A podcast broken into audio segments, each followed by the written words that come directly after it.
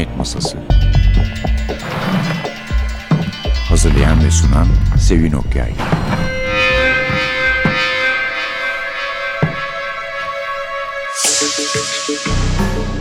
Merhaba, NTV Radyo'nun Cinayet Masası programına hoş geldiniz. Bugün size bir İsveçli yazar sunacağız. Ama tanıdığınız bir yazar olduğunu pek sanmıyoruz. Çünkü bugün anlatacağımız, özetleyeceğimiz kitap galiba onun ilk e, Türkçe kitabı.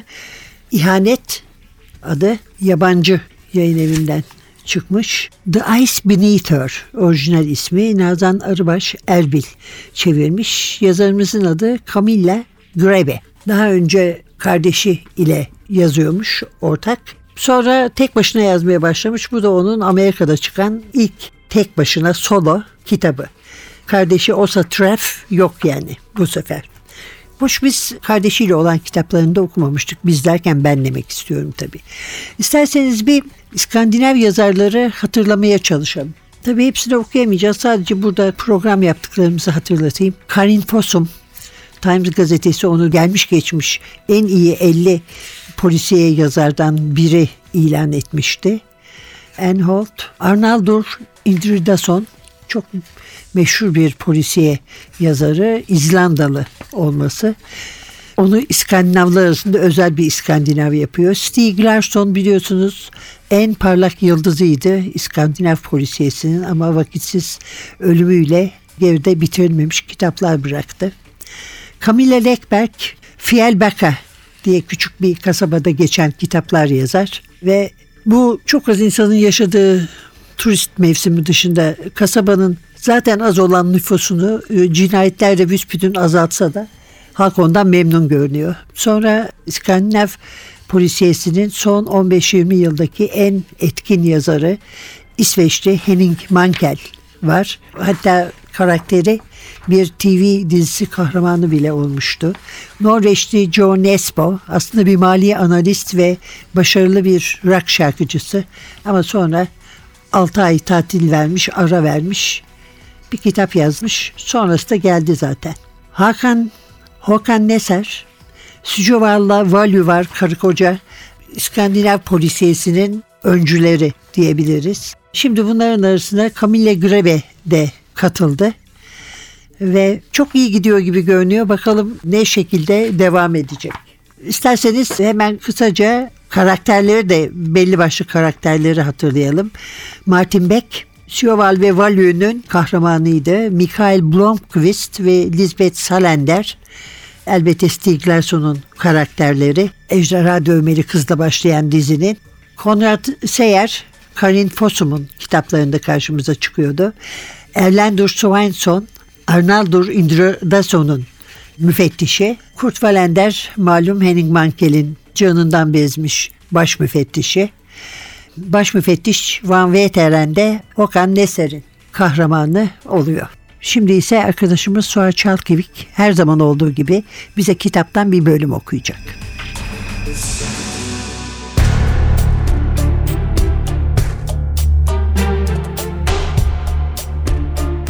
İşten eve dönerken Sulusen durağında metrodan indim. Soğuk bir rüzgar esiyor, yaprakları ve sigara izmaritlerini Golgata'nın aşağılarına savuruyordu. Islak zeminde küçük buz kristalleri oluşmuştu. Sokak lambalarının altında parlıyorlardı. Yerler kaygandı. Höbersgatan'da sola dönerken az kalsın dengemi yitiriyordum. Ucuz restoranlardan ve kafelerden hafif bir yemek kokusu geliyordu. İki adam bir merdiven boşluğunda aynı sigarayı paylaşıyorlardı. Bana onları rahatsız etmişim, mahrem bir şeyi bölmüşüm gibi baktılar. Bakışları neredeyse tehditkardı. Deri ceketime biraz daha sarınarak gözlerimi buz tutmuş zemine dikip olabildiğince hızlı bir şekilde yanlarından geçtim. Capelgrand'daki apartmanın önüne geldim. Burayı hemen tanıdım. Dışarıdaki kurumuş gül ağacını, kapıdaki renkli camı. Tam kapıyı açmak üzereyken içeriden köpeğiyle yaşlı bir adam çıktı. Beni selamlayarak kapıyı tuttu. Ben de onu başımla selamladım. Onu tanımıyordum. Kapının üstünde isim yoktu. Yalnızca gereksiz posta istenmez yazan küçük bir not vardı. Jesper Bunu kendisi yazmıştı ki bu da doğru yere geldiğimi gösteriyordu. Kapıda isminin yazmasını istemeyişi bana tuhaf gelmişti. Jasper, meraklı komşulardan ve gazetecilerden kurtulmak için gizliliği tercih ettiğini söylemişti. Zili çaldım, hiçbir şey olmadı. Biraz bekleyip tekrar zile bastım. Belki bu sefer düğmeye biraz fazla uzun basmıştım. Zil kapıda adeta öfkeyle çalıyordu. İçeriden gelen ayak sesleri duydum. Kapı hızla açıldı. Evet, karşımdaki adam kolsuz bir tişört ve eşofman altı giymişti. Elinde bir bira kutusu vardı. Kolları dövmelerle kaplıydı. Uzun saçlarını ensesinde at kuyruğu yapmıştı. Ama beni şaşırtan bir şey daha vardı. Holdeki mobilyalar Jasper'inkilerden tümüyle farklıydı. Kırmızı sandalyeler ve küçük büfe gitmişti. Onun yerine duvara dayanmış tablolar ve köşede üst üste yığılmış paltolar vardı. Jasper'ın annesinin dokuduğu kilim de gitmişti. Affedersiniz, Jasper burada mı? Jasper mı? Hangi Jasper? Adam çat diye birasını açtı. Kutu önce çatırdadı, sonra tısladı. Birasını ağzına götürdü ve gözlerini benden ayırmadan büyük bir yudum aldı. Burada yaşayan adam, Jasper Orley. Hiç duymadım. Burada yalnızca ben oturuyorum. Adresi yanlış almış olmalısınız. Kapıyı iterek kapatıyordu ki daha hızlı davranıp araya ayağımı koydum. Bekleyin. Zemin kattaki tek daire bu mu? Evet. Siz taşınmadan önce burada Jasper diye birinin oturup oturmadığını biliyor musunuz? Hiçbir fikrim yok. Ben burada yalnızca bir aydır oturuyorum. Yakında da taşınacağım. Burayı yıkıyorlar. Duvarlarda bir haltlar varmış. Şimdi izin verirseniz yapacak işlerim var. Geri çekilip özür diledim. Adam elinde birasıyla tek kelime daha söylemeden kapıyı kapattı. Dairemin içinde dolaşıp durdum. Gıcırdayan ahşap döşemenin üstünde volta attım. Dışarıda kesip bir karanlık vardı. İçeriden bakıldığında birisi pencereleri tuğla örerek kapatmış gibi görünüyordu. Rüzgar evin içinde uğulduyor, evi sarsıyordu. Pencereler bu sert muameleyi protesto edercesine her rüzgarla birlikte takır diyordu.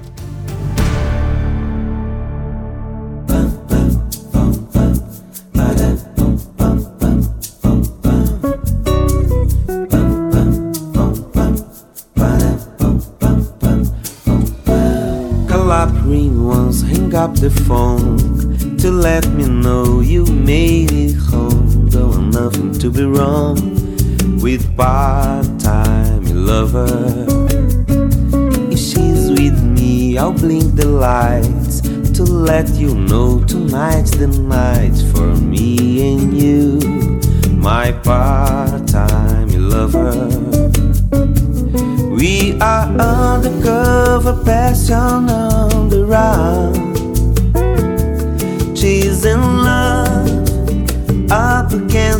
Sun. We are strangers by day, lovers by night.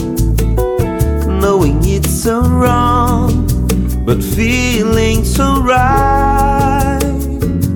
If I'm with friends and with you me, just pass me by, don't even speak.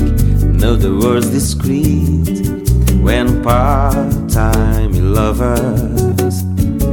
But if there's some emergency, have a male friend to ask for me. So then she won't pick, really you, my part-time lover. We are undercover, passion on the run. Chasing love up against the sun.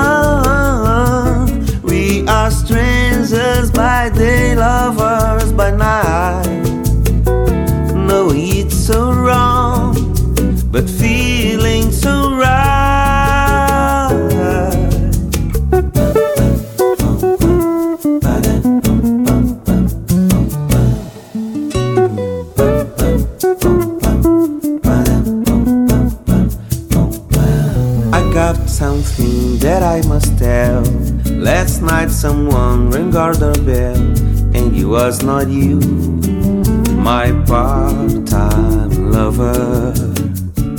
And then a man called out exchange, but he wants to leave his name and together to play the game of part-time lovers. You and me, part-time lovers,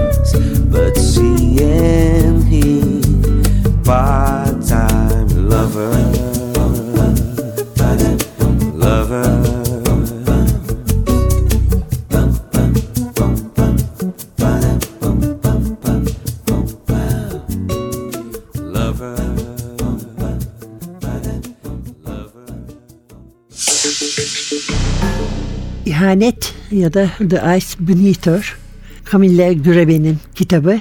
Daha önce kardeşi Osa Tref'le kitaplar yazıyorlarmış. Mesela Some Kind of Peace gibi. Hatta dizileri var. Burada aksiyon büyük bir hızla şaşırtıcı bir noktaya geliyor ve bir sürprizle sona eriyor. Siri Bergman diye 34 yaşında bir psikologla birlikteyiz. Onun da geçmişinde çok rahatsız edici, üzücü olaylar var. Ama bugün size sunduğumuz kitap Amerika'da çıkan ilk solo denemesi Camilla Grebe'nin ve bakılırsa eleştirilere çok beğenilmiş. Hayli heyecan uyandırmış. Hatta birkaç eleştirmen polisiye kitaplarda ya da bütün kitaplarda anti kahramanlardan hoşlanan kişilerin burada da trendeki kız The Girl on the Train havasında bir aksiyon ve bir kahraman bulacağını söylemişler. İsterseniz kitaba şöyle bir göz atalım.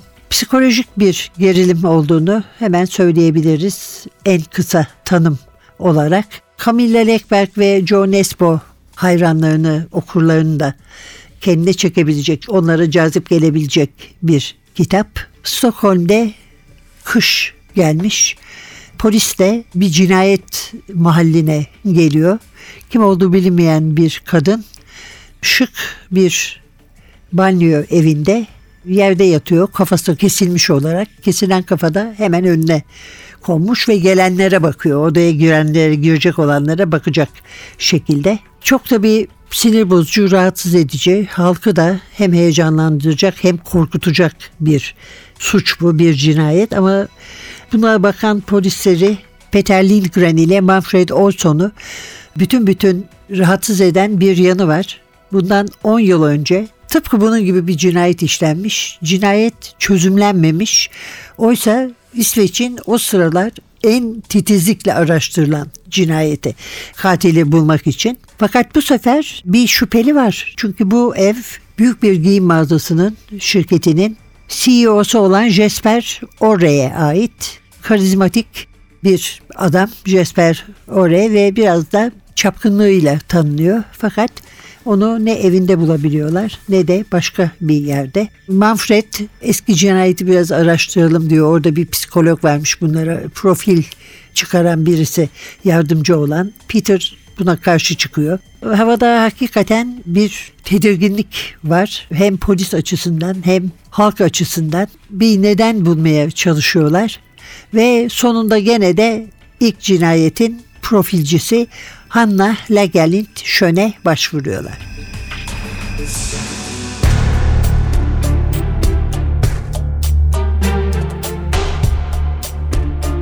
Maddi durumu nasıl diye sordu Gregor Savstam ağır güneyli aksanıyla.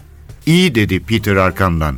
Dönüp bakmadım. Buraya gelmemin pek de akıllıca olmayabileceğini düşündüm yine. Ama kendime 10 yıl önce hayatımı mahveden adamla birkaç toplantıda bulunmayı atlatacak kadar güçlü olduğumu söyledim. Eğer geçmişimle yüzleşme korkusu yüzünden çok sevdiğim işi yapmaktan kaçınırsam onun kazanmasına izin vermiş olurdum. Geleceğime öncelik vermem önemliydi. Çünkü zaten o gelecekten bana çok azı kalmıştı. 4 milyonun üzerinde yıllık geliri var diye devam etti Peter. Ayrıca yaklaşık 3 milyon değerinde hisselere sahip. Bulabildiğimiz kadarıyla borcu da yok. Gregor Savstam sandalyesinde huzursuzca kıpırdandı.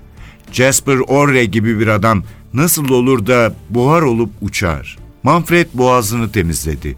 Bütün polis birimleri onu arıyor. Bu konuda içimde gerçekten kötü bir his var diyerek ayağa kalktı Gregor Savstam. Ellerini kırışmış pantolonunun ceplerine sertçe soktu. Elimizde hiçbir halt yok. Abanos saplı eski bir pala ve kanlı bir külot bu davayı çözmeyecek. Üç gün oldu. Gazeteciler durmadan arıyor. Daha kurbanın kim olduğunu veya Jasper Oren'in nerede olduğunu bile bilmiyoruz. Emniyet müdürüyle görüştüğümde sizler daha fazlasını bulmayı beceremediniz diye aptal gibi görünmeye niyetim yok. Yarın Klotz and Moore'un iş denetçisiyle görüşeceğiz dedi Manfred. Anlaşılan Ore hakkında bir tür soruşturma başlatmışlar. Söylentiye göre 40. doğum günü partisini şirkete ödettirmiş. Belki buradan bir şeyler çıkar. Gregor Savstam öfkeli ve yorgun görünüyordu. Manfred'in yanıtını kışkırtıcı bulmuşçasına gözlerini devirdi. Şirketin parasını dolandırmışsa bile bunun cinayet soruşturmamıza bir faydası olmaz. Başka bir şey yapabilir miyiz? Daha radikal bir şey. Medyaya gidip yardım istesek, Jasper Oren'in kayıp olduğu ve evinde bir kadının ölü bulunduğu zaten medyada duyuruldu dedi Manfred. Gregor Savstam öfkeyle elini salladı. Evet biliyorum. Kastettiğim o değil. Kurbanın bir resmini yayınlayabilir miyiz? Böylece hiç olmazsa kimliğini saptayabiliriz. Ağır darbeler almış. Biz genellikle diyecek oldu Manfred. The girl that danced all night in the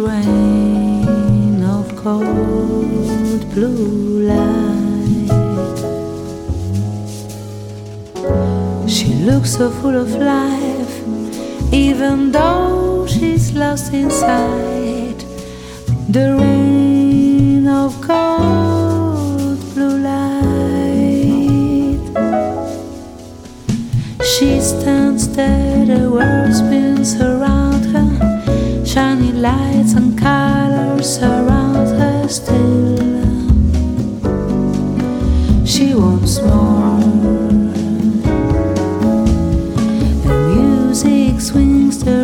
Rhythm goes faster. She turns round, the blue splashed past her still. She wants more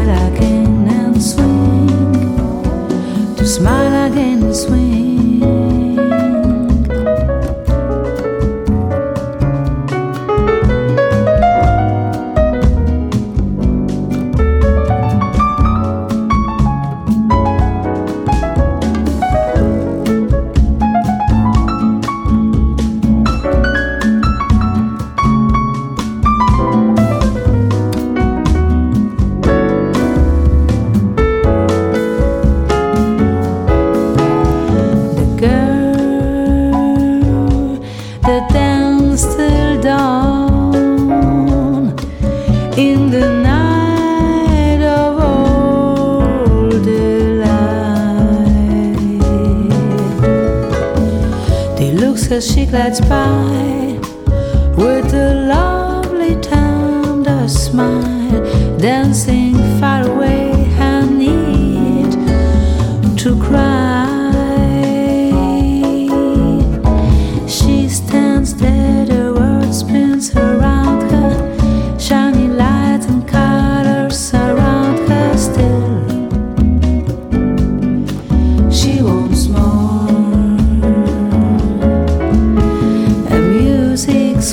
The rhythm goes faster. She turns round,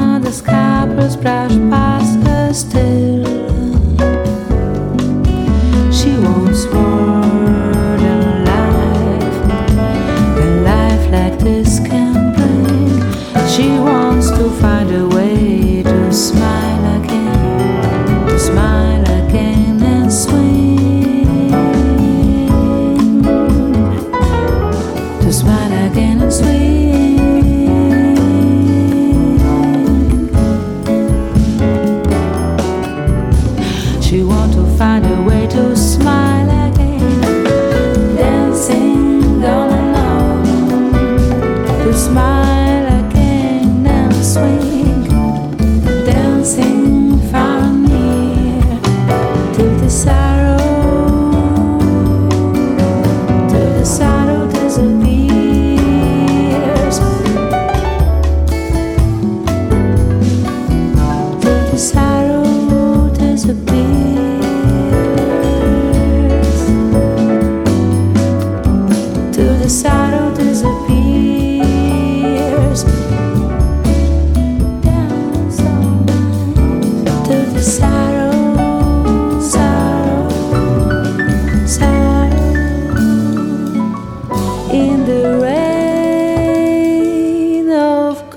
Cold blue light.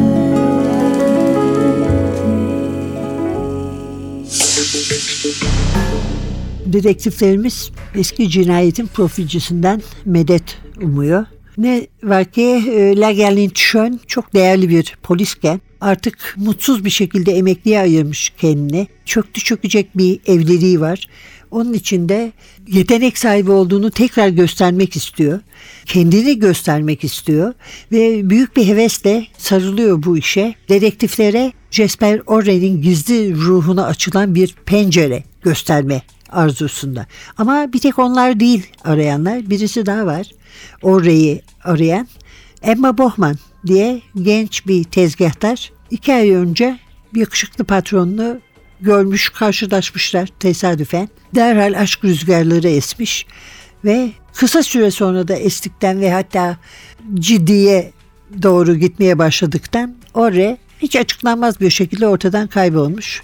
Emma da bütün kabahatin onda olduğunu düşünüyor her konuda.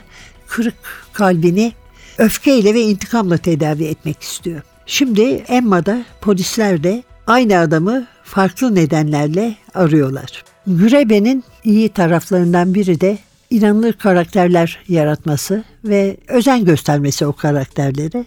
Örneğin Peter Lindgren iki polisten biri bu cinayeti araştıran. 40'lı yaşlarının sonuna gelmiş. işinden yorulmuş, bıkmış. Hiç kimseye bağlanamıyor. Hiçbir ilişkisinin sonu olumlu sonuçlanmıyor. Bir yeni yetme oğlu var annesiyle oturuyor. Pek aldırmıyor da zaten Peter onu görüp görmediğine. Hanna Lagerlin-Schön 10 yaş büyük Peter'den mutsuz ve zor bir evlilik içinde kapalı kalmış buluyor kendisini. Kocası ona baskın çıkmaya çalışıyor. Kontrolcü bir adam. Ancak çok sevdiğini iddia ediyor karısını. Ve herkesin sırları var. Hepsinin sırları var. Ve Emma Bowman sonunda o da roman boyunca yani belli bir yerde çıkıp sonra ortadan kaybolmuyor. Ara ara giriyor. Bütün karakterler öyle olayların akışı ile birlikte anlatıcımız değişiyor.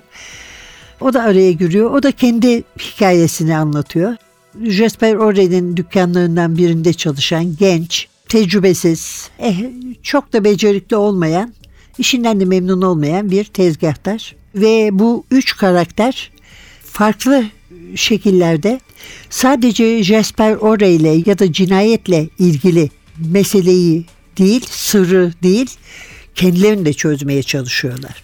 İhanet, Camilla Grebe'nin tek başına yazdığı kitap kardeşinden ayrı olarak The Ice Beneath Her İngilizce adı. Çeviren Nazan Arıbaş Erbil yabancıdan çıktı. Önümüzdeki hafta bir başka yazarla bir başka kitapla yeniden birlikte olmak umuduyla mikrofonda Sevin, masada Atilla.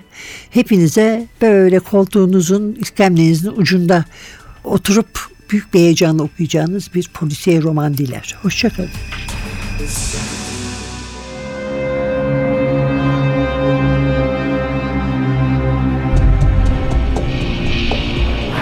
Cinayet Masası